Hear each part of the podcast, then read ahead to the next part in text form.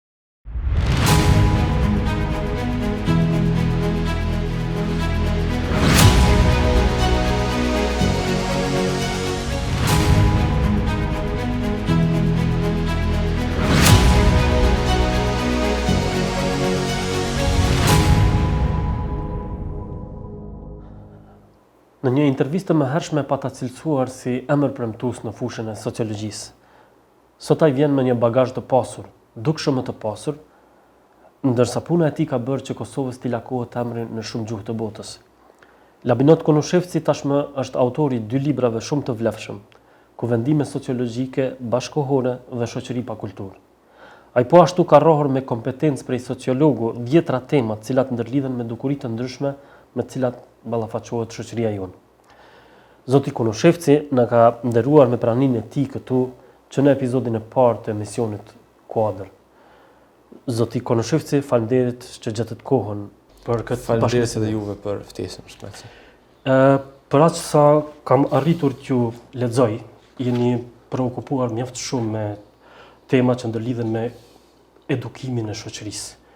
Ë, me të ashtuquajturin sistem vlerash, me rolin e qytetarit në shoqëri, me rolin e intelektualit, duke u nisur nga kjo, le t'ia fillojmë bisedës me një pyetje shumë direkte. A, a jemi shoqëri me kulturë? Po, shoqëria jonë ka kulturë, por kultura e saj është dukshëm dominuese jo humane. Pra vetë fakti që e kam titullu edhe librin e fundit Shoqëri pa kulturë, me këtë nuk kom dashtë me thonë që jemi shoqëri primitive, ose shoqëri arkaike, ose shoqëri e, anarkike, por kemi një kulturë në krizë, një kulturë e cila po dehumanizohet, e cila po e paraqet një sistem të vlerave jo shumë humane, pra na jemi një shoqëri pa kulturë në kuptimin që çdo gjo fillon prej kulturës, edhe çdo institucion, çdo sferë e jetës, çdo problem në shoqëri, çdo problem që trashëgohet, ose që riprodhohet, ose që paraqitet në sferën publike, mendoj që origjinën e ka në kulturë. Edhe kultura është dimension shumë i gjanë, edhe nuk nuk e përfshin vetëm atë dimensionin kulturë materiale, kulturë shpirtërore, po unë ma shumë jam fokusu te kultura si përgjegjësi publike. Kultura si raport mes njerëzve. Kultura si vetëdije shoqërore, edhe si mënyrë se si e trajtojmë na njani tjetrin në shoqni, e raportet e ndryshme që nga familja, që nga shoqëria, që nga shkolla, universiteti, institucionet publike, komunikimi me publikun e kështu me radhë, edhe e, në hulumtimin tim, në vrojtimet e mia, në analizat e mia sociologjike, unë gjithmonë jam nisë prej një premise shkencore, asnjëherë egocentrike, asnjëherë nuk jam nis nga vetvetja. Pra, nuk është libër kështu as egocentrik e as etnocentrik, pra nuk nisem nga perspektiva jeme, po mundohem me pa shoqninë me një sy tjetër. Me një sy kritik, sepse vërtet ka shumë libra, shumë botime, shumë artikuj të botun, të cilët në librat e tyne trajtojnë shoqninë me një dozë ë shumë mohuse ose shumë glorifikuese, pra dy ekstreme, e unë mundohem me i tejkalu këto dy ekstreme, edhe me paraqit njëkohësisht edhe mungesën e kulturës humane publike, po edhe dimensionin human të shoqnisë. Pra na jemi në një mes, në një udhëkryq, që dhe vetë kopertina e librit tregon që shoqnia jonë është në një udhëkryq, ose në një rrethrrotullim. Prandaj, Kjo është pak a shumë ajo pikëpamja qendrore për shoqninë tonë, një shoqni pa kulturë, edhe vetë trajtimi i fenomeneve i dukurive sociale në shoqni, të cilat e dëshmojnë një sistem të vlerave goxha problematik, e mbështet këtë tezën time. Pikërisht në këtë farë konteksti du ta vijoj bisedën. Raporti i qytetarit me institucionin, raporti i qytetarit me shtetin, duket sikur kemi ngecur në një periudhë të mëhershme. Ende nuk e trajtojmë shtetin sikur një mekanizëm i cili është ndërtu për për të na shërbyer. Pse ndodh kjo? Pse Qytetari jonë ende nuk ka kriju raporte, relacione të shëndosha me shtetin me... Po, mendoj që është krejt rezultat i mungesës së vetëdijes institucionale. Pra, shoqnia jonë vuan nga mungesa e vetëdijes institucionale. Dhe këtë e vërej për shembull edhe si ligjërues në shkollë publike, i edukimit qytetar që jam, në në një prej pyetjeve kur ja kam parashtru disa prej nxënësve prej semimaturantëve se çka është shteti, çka kuptoni me fjalën shtet. Edhe përgjigja dominuese e tyne ka qenë që kur është përmend emri shtet, atyre ju ka asocu kryeministri, kryekuvendari, ministri, por gjithmonë e kanë lidh shtetin me liderin. Po. Edhe me lidershipin. Edhe asnjëherë nuk e kanë lidhë shtetin me institucionin. Edhe unë ju kam thënë që ky është koncept i gabum, për shkak se shteti nuk identifikohet me liderin. Shteti identifikohet me institucionin. Pra shtet nuk është kryeministri, e as kryetari i vendit, por shtet janë institucionet. Pse? Sepse në institucione merren vendimet. Aty ku merren vendimet, caktohet standardi i qytetarëve. Dhe prej standardit të qytetarëve varet mirëqenia e tyre. Pra, problemi fillon që prej edukimit publik në shkollë, ku na nuk arrijmë me e kultivu një vetëdije institucionale, edhe kjo mandej ata i bën pak ma të papërgjegjshëm, ma jo lojal, ma inferior në raport me shtetin, edhe Kjo pastaj prodhon ato pasoja të cilat na i shohim sot, një raport i brishtë mes qytetarit edhe shtetit, e, për shkak edhe të tendencave të ndryshme ku institucioni privatizohet, ose personalizohet, ose kur personi vetë lun rolin e institucionit. Pra është një ndrrim i vendeve, edhe prandaj institucionet publike tek ne e, krizën ma të madhe kanë për me e, e promovu vetëveten si një institucion i qëndrueshëm edhe i besueshëm tek qytetarët. A ndihmon sistemi arsimor në edukimin e qytetarit në kuptimin e ndërtimit të tyne raporteve të shëndosha me shtetin? Ndihmon shumë pak, ose do t'duhej me ndihmu, për arsye se na kemi një sistem publik të edukimit shumë problematik, me shumë ngecje. Është një sistem publik i edukimit goxha improvizus, i cili kohëve t'fundit Shiko, problemi, problemi kryesor fillon kur fillon nga koka faktikisht. Që do të thotë se nëse na arsimin edhe kulturën i trajtojmë si dy ë komponentet ma të rëndësishme të shtetit. Edhe njëkohësisht Ministrinë e Arsimit dhe Ministrinë e Kulturës, si dy ministritë, institucionet ma të rëndësishme të vendit, edhe krejt problemet kryesore fillojnë prej aty. Pra, ë problemi është te menaxhimi, sepse ne jo rrallë herë kemi pas edhe ministra klientelist, Ministra, po flas në fushën e arsimit dhe kulturës, po. të cilët kanë përdor për shembull forma nepotiste, të cilët kanë funksionu me standarde të dyfishta, të cilët kanë diktu komisione të ndryshme, të cilat të cilët kanë degradu sistemin e vlerësimit, edhe kur vjen puna tek rekrutimi i mësimdhënësve, edhe kur vjen puna tek botimi i librave, edhe kur vjen puna tek mbështetja e talentëve të ri, Edhe po ashtu kanë arrit me kriju një sistem të ri, i cili është pak mekanik, është goxha improvizus, edhe natyrisht është mungesë po ashtu edhe teksteve shkollore, për shembull na e shohim një, një qasje të gabushme në sistemin e arsimit, për shkak se librat që botohen, nuk janë përputhje me planet që i cakton Ministria e Arsimit. Për shembull janë planet, planifikimi, plan programi mësimor që e krijon Ministria e Arsimit, nëpërmjet cilit funksionon funksionojnë gjitha shkollat publike në Kosovë. Dhe tash me mësimdhënësit në Kosovë detyrohen me punu sipas atij plan programi, që është krejt korrekt. Por fat fatkeqësisht ai plan program nuk përputhet me tekstet shkollore. Madje as me versionet e reja, as me literaturën dominuese. Mm -hmm.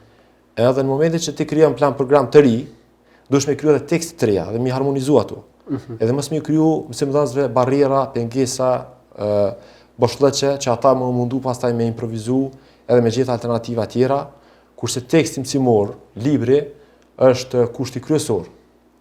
Prandaj edhe shtëpitë botuse, të cilat nganjëherë shndërrohen në biznese, të cilat me një lojalitet shumë të afërt me Ministrinë e Arsimit, e kanë shndërru edhe këtë çështjen e botimit të librave, e sidomos tek pika e recenzimit të librave, e, kanë shfrytëzu si një lloj biznesi, sepse ka shumë autorë, ka shumë studime, ka shumë referenca, por problemi është që e, nuk po krijohet domethënë një një qasje e duhur edhe një përputhje në mes teksteve dhe plan programeve. Domethënë kjo është për shembull njëra prej pikave, mandej është edhe mungesa po ashtu e mbështetjes së talentëve. ë shumica e buxhetit dedikohet për çështje administrative, për çështje të pagave, e sa për qind e buxhetit ndahet për hulumtime, sa për qind e buxhetit ndahet për botimin e, e librave, Për shembull, dy për qind, tre për qind e gjithë buxhetit ndahet për kulturë. Një shtet i cili për kulturë ndan një përqindje kaq të vogël, tregon sa e trajton vetveten. Pra sa kemi na vetërespekt. Në vërtetë. Duket të jemi larg këtyne zgjidhjeve ideale në këtë farë konteksti. Ëm po Me shiku prej një prizmi tjetër, mm -hmm. në zhvillimin e shoqërisë. Demokracia në Kosovë duket në gjendje pak më të mirë se sa shumë vende të rajonit. Fjala vjen në, në Serbi, ka kritika të ashpra uh, kundrejt pushtetit, i cili e ka katapultuar jetën uh, opinionin publik e dirigjon e kështu me radhë. Uh, i ka kapur mediat, ose në Shqipëri, kriza të vazhdueshme në skenën politike. Ë këtu në Kosovë të paktën janë zhvilluar disa ë palë zgjedhje, kështu, të cilat kanë kanë marrë kritika pozitive edhe në rrafshin ndërkombëtar. Si e sheh Kosovën në raport me vendet e tjera? A ke pas rastin ndoshta me ë hulumtu diçka në këtë farë drejtimi? Po. Ë Kosova e vërtetë që në raport me vendet tjera në disa pika të demokracisë është pak më e avancuar, por problemi është tek tranzicioni. Është një tranzicion kogja i thellë, i cili domethënë po manifestohet njëkohësisht edhe me kriza të ndryshme, edhe me reforma të ndryshme, edhe me trashëgimi të ndryshme politike, ligjore, kulturore, por kësaj ma së shumti kish me i ndihmu nëse na arrijmë me kriju për shembull një identitet të konsolidum, të veçantë, unik, duke respektu së pari kulturën nacionale, se shko, s'ka shtet në botë pa kulturë nacionale. E, ndoshta na jemi prej pak vendeve, shoqërive në botë që e injorojmë kulturën nacionale, e injorojmë shkencën nacionale. Po. Edhe e, vetë koncepti shkencë nacionale, nganjëherë është i injorum në mënyrë tragjikomike kështu edhe prej vetë njerëzve që thirren në emër të arsimit. Kam përshtypjen se më fal që po të ndërprej,. Po. Togfjalëshin shkencë nacionale nuk e kam hasur të përdoret prej dikujt tjetër. E, kjo ndoshta është një farë lloj treguesi pse ë ndoshta nuk e keni has në trajtimin ose artikulimin po. e njerëzve që shkruajnë shqip, po, por po, po. ju cituat më herët librin Kuvendime sociologjike bashkëkohore, po. ku kam përmbledhë 12 intervista me sociologët më të njohur bashkëkohorë, edhe ata në vetë leximin e tyre të librit, ata e shohin një ndërlidhje mes sociologjisë ndërkombëtare dhe sociologjisë nacionale ose shkencës nacionale. Mm -hmm. Edhe po çdo vend e ka shkencën e vet nacionale nëpërmjet së cilës ata e ruajnë memorien kolektive, apo kujtesën historike, po, po. sistemin e vlerave, trashëgimin e vet, vlerat e veta, edhe njëkohësisht mundon ato me i integru në kontekst sistemeve të reja, problemeve të reja, sepse na kemi nevojë me i studiu problemet tona, tipike shqiptare, të cilat janë njëfarë forme, kanë edhe efekte kështu e, jashtë nacionale, sepse jemi tu jetu në kohën e globalizmit, mirëpo e, Prapë mendoj që Kosova duhet me e konsolidu identitetin e vet, edhe ma s'pari me e pranu e, faktin që Kosova si shtet, për shembull në ish Jugosllavi ka qenë e pabarabartë, e diskriminue, edhe ka qenë në njëfarë forme koloni e Jugosllavisë, e Serbisë. Edhe këtu fillon problemi. Domethënë edhe edukimi publik, edhe historia që interpretohet, edhe tendencat e disa e burokratëve perëndimor që me fshi t'kalumën, edhe me harru t'kalumën, edhe me interpretu ndryshe të kalumën, për me ndërtu një histori të re, një faqe të re të historisë, kjo është pak qasje e gabushme, sepse nëse na e shohim që Jugosllavia ka qenë sistem totalisht i pabarabartë, edhe diskriminus, edhe shqiptarët kanë qenë të diskriminu, po jo jo një sistem qysh na e kemi glorifiku, qysh na kemi kriju iluzione për ta, sepse e, problemi mendoj që ka fillu edhe me thyrjen e iluzioneve për të kalumën. Sepse njerëzit që kanë vuajt në Jugosllavi e kanë kriju iluzione që sapo të çlirohemi na, të dekolonializohemi, ta fitojmë pavarësinë, Na tash kemi me u avansu edhe kemi me fitu disa drejta edhe kemi me u kthy në vendin tonë, por kjo faktikisht për shumë prej tyne mas luftës ka dalë të jetë një iluzion i thyër, sepse njerëzit janë zhgënjy përmes proceseve që ka ndodhë në Kosovë, por prapëseprapë nuk duhet me mo, me, me mohu që Kosova është avansu në disa drejtime, por prapë ka raste kur na kemi çalu, kur na kemi improvizu, kur na kemi imitu, nuk i kemi studiu problemet në thelb, në origjinë, edhe jemi mundu me, me hup hapin në, në këtë proces. Por, për disa fusha jemi, jemi goxha mirë në rajon, por prapëseprapë, prapë, është problem kështu koxha vështirë i zgjidhur pa e kalu procesin e tranzicionit. Qartë. Pa se të dalim te një çështje tjetër, dhe të mbetemi për pak çaste dhe këtu te zhvillimi i demokracisë, naturisht kë zhvillimi i shfaqë anomalit e veta. Njëra prej tyre, për shembull, mund të identifikohet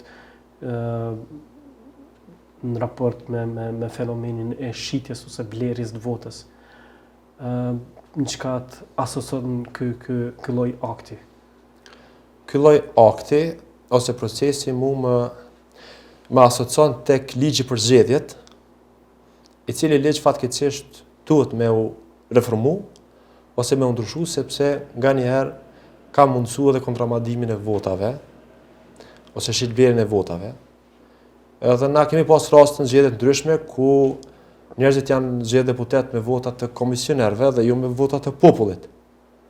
Edhe një sistem i tillë i cili e legjitimon këtë farë procesi, kaq brutal të ndërhyrjes, mendoj që është një proces koxha kriminal, që është dash vetë shteti me e kontrollu.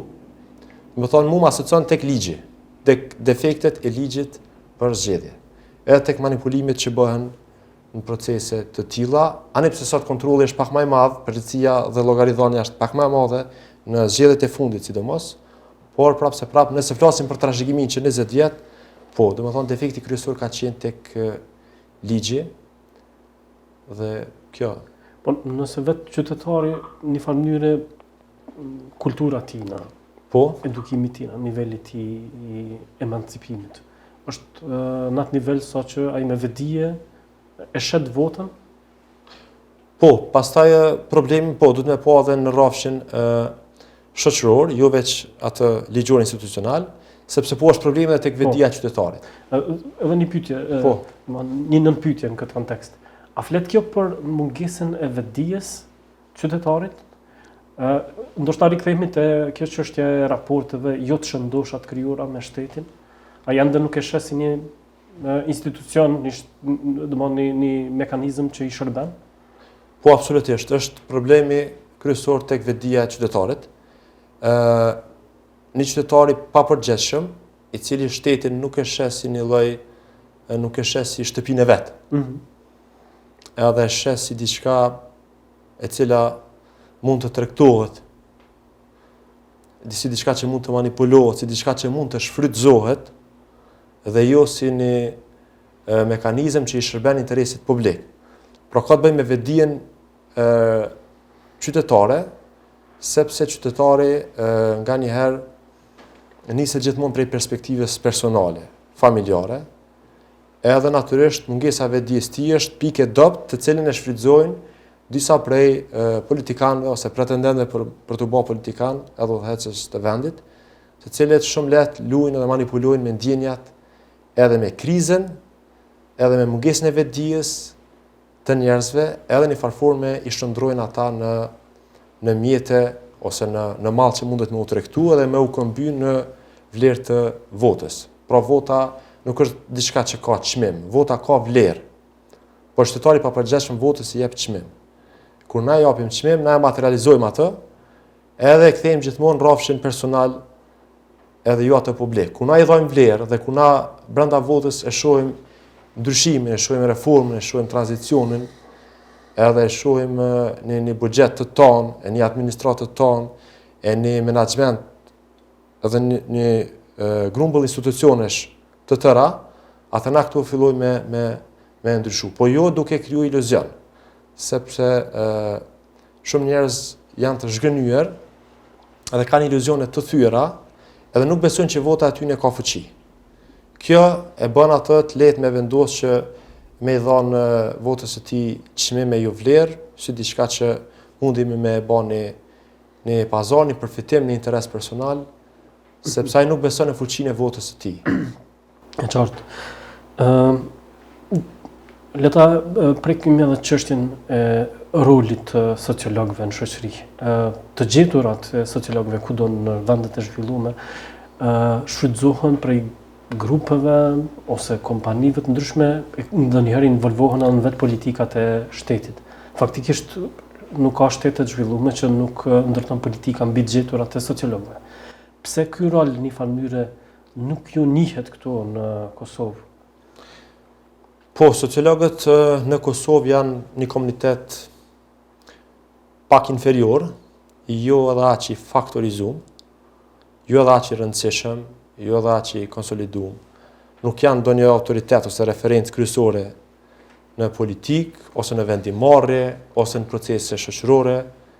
ë pak edhe për fajn e tyre, të vetorganizimit, pak edhe për fajn e vetë krizës, sepse shkencat shoqërore janë goxha në, në krizë, edhe fatkeqësisht nuk janë referencë për uh, udhëheqësit e vendit, por, siç po thoni edhe ju, kudo në botë, sociologu e ka rëndësinë e vet, e ka rolin e vet, edhe uh, meqë përmendëm ma herët librin dhe intervistat, Një prej të intervistuarve të parë të mi ka qenë Anthony Giddens, një sociolog nga Britania e Madhe, i cili ka qenë këshilltar i Tony Blairit dhe ne e dimë çfarë roli ka pas Tony Blair si kryeministër britanez dhe roli i tij në shtetin e Kosovës, por ai një prej këshilltarëve kryesorë ka pas Anthony Giddensin, i cili është sociolog, edhe është një prej sociologëve më të njohur dhe më me ndikim në botë.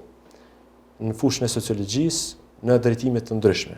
Dhe kudo në botë gjeturat e sociologëve janë referencë për politikanët, për vendimet e tyne, për vizionin e tyne, përjashtimisht në Kosovë, sepse sociologu nuk është një autoritet i cili është oportun.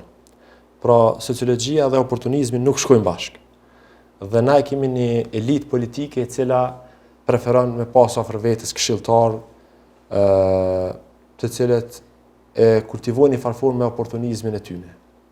Edhe servilitetin e tyne, edhe tendencat e tyne për përfitime personale që në fund fundit janë një lloj karrierizmi. E sociologu i cili mbështetet në gjetura, në fakte, në hulumtime, në analiza, në parashikime shkencore, ato kanëherë bien ndesh me qëto matematikat dhe kalkulimet e politikanëve. Është qeky problemi i harmonizimit, sepse sociologu është me të vërtet një autoritet i cili trajton shoqërinë n'kontekst kështu edhe kritik, sociologu nuk është përshkrues i shoqërisë, nuk krijon narracione, nuk krijon iluzione, as nuk i glorifikon proceset, as liderët, as fenomenet, por e sheh shoqërinë me një këndvështrim koxha real, se sociologët janë realista, edhe koxha kritik. Kjo i bën ata ma pragmatik, edhe ata din me ofru zgjidhje edhe ide, jo veç me kritiku, por edhe me ofru ide, zgjidhje, rrugëdalje, e kështu me radhë. Ndoshta, pikërisht për faktin që nuk ju njihet ky rol, kemi mungesë të hulumtimeve, të kërkimeve, të gjeturave, Sa n'këtë raport kemi e kemi kry punën si sociolog fjala vjen në raport me me shoqërinë, domethënë sa kemi sa e njohim vetveten. ë Ndoshta problemi fillon edhe prej qasjes së institucioneve sepse në asnjë institucion n'Kosovë, për shembull shkollor po flas, nuk ekziston sociologu. Ligji e parasheh angazhimin e pedagogëve në shkolla, angazhimin e psikologëve në shkolla, por prapë ka shkolla pa psikolog, edhe në kryeqytet, e për sociolog nuk po flasim. Domethënë, sociologu nuk ka pozitë, nuk ka rol në shkollë. Nuk ka zyre, as nuk ka konkurs, as nuk, nuk ka kriter, as nuk ka standard për angazhimin e sociologut. Edhe ne shpeshherë ankohemi, Edhe merremi me pasojat e fenomeneve që ndodhin nëpër shkolla, të cilat nuk trajtohen për shkak të mungesës së qasjes së sociologut. Edhe domethënë që kjo është njëni prej problemeve kyçe me të cilat fillon ky problem.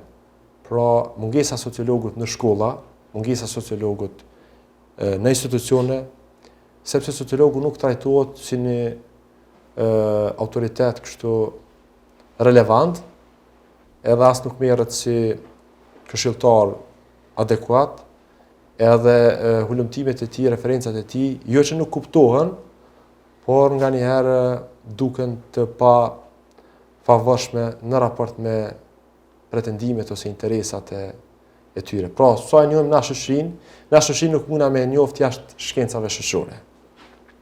Jashtë sociologjisë edhe jashtë sociologut. Sociologu e ka rolin e vet, por ë gjithmonë në koordinim dhe bashkëpunim edhe me ekspertë të fushave të tjera. Sepse sociologjia trajton shumë probleme, trajton shumë dimensione.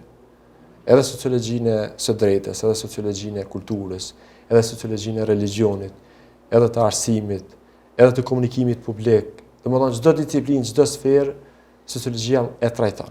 Por, problemi është edhe tek prodhimi i kuadrave të sociologjisë. Këtu është edhe një problem tjetër, sepse Universiteti i Prishtinës, përgjithësi jo veç me sociologë, por edhe me ekspertë tjerë, nuk ka arrit ende me e bo një, një bashkëpunim mes kuadrave që i prodhon edhe tregut të punës. Pra nuk ekziston një farë harmonie, prodhimi i kuadrave është numër, është diplomë, është kualifikim, është ceremoni, edhe është akreditim. Por shkenca është përtej kësaj. Kur ti e prodhon një kuadër, ti atij kuadri në vendin tënd duhesh me i kriju edhe treg. E qartë, jemi fare në fund bisedës.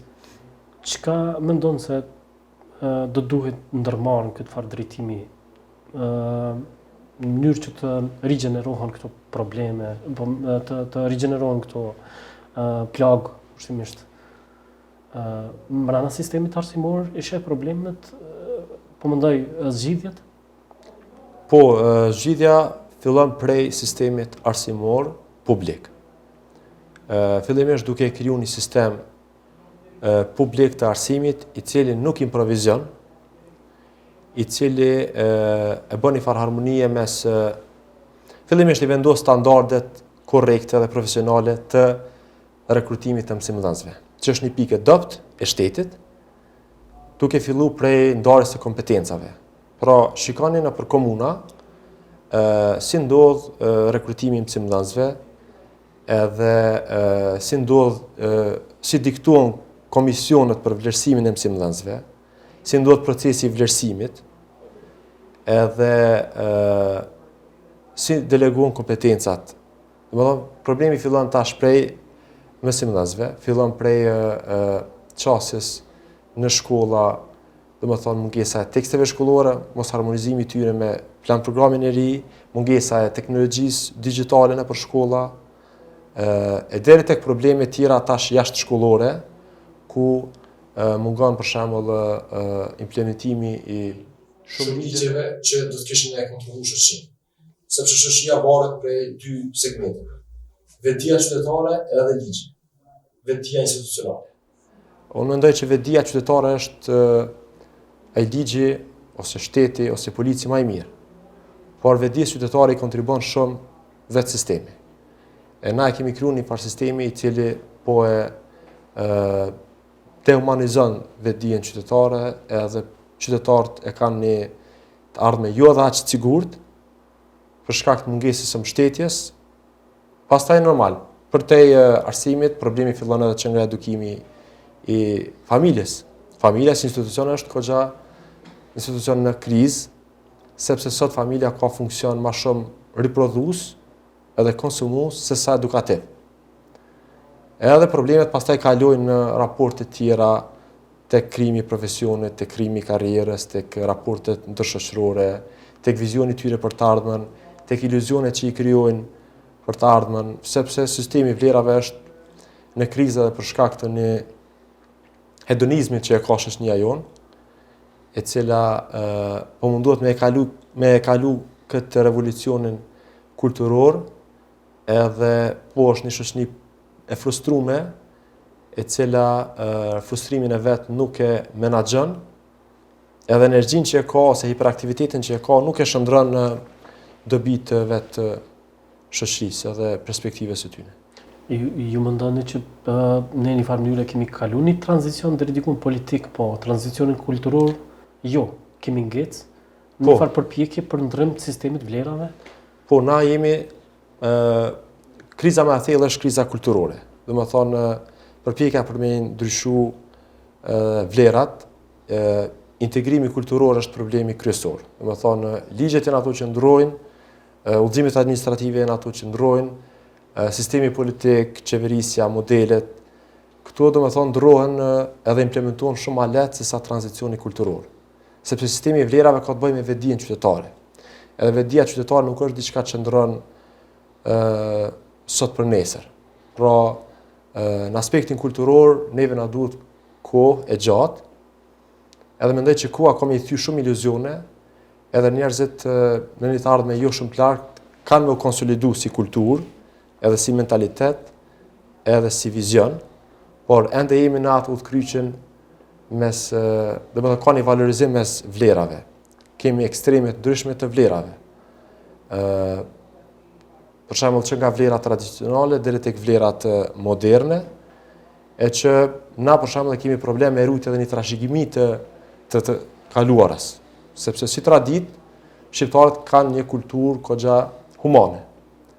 në aspektin tradicional.